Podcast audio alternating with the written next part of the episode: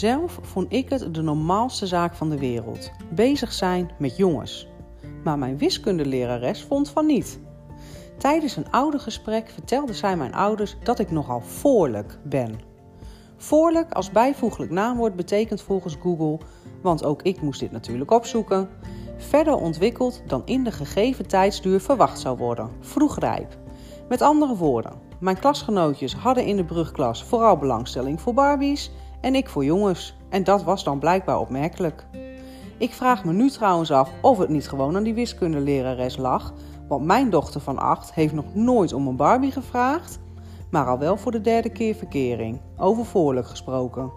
Maar goed, dat wist ik toen natuurlijk nog niet en mijn ouders ook niet, die overigens op hun zeventiende al zwanger waren, dus wellicht zit voorlijk in de genen. Het komt er in ieder geval op neer dat ik op mijn twaalfde al een stempel had.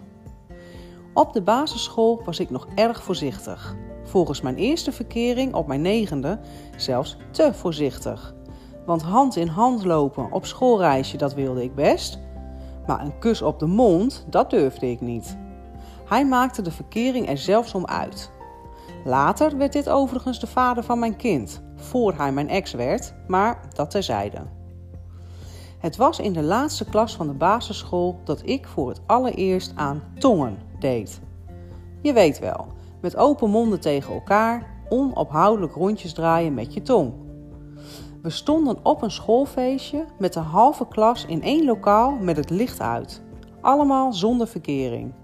De andere helft van de klas, die met verkering, stonden te schuifelen op de geïmproviseerde dansvloer.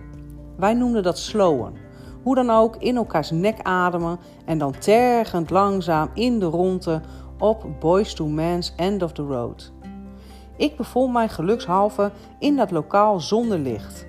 Het maakte mij geloof ik ook niet uit wie er in het donker tegenover mij stond. Ik deed gewoon mijn mond op een kier, liet die tong binnen en deed wat ik had gelezen in Defensie.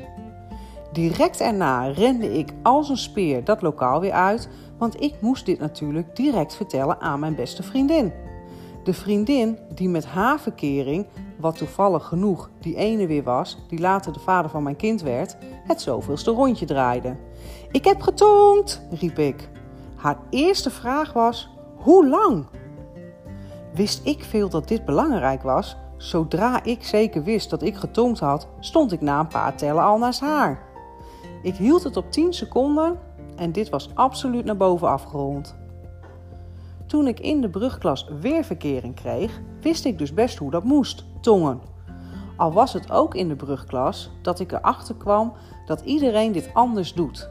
Bijvoorbeeld met intense rotaties, of met niet alleen het puntje, maar met de hele lap. Of wanneer hij veel langer is dan jij, dan druipt zijn spuug zo via je mondhoek naar je hals. In dat geval kun je dus beter zittend tongen.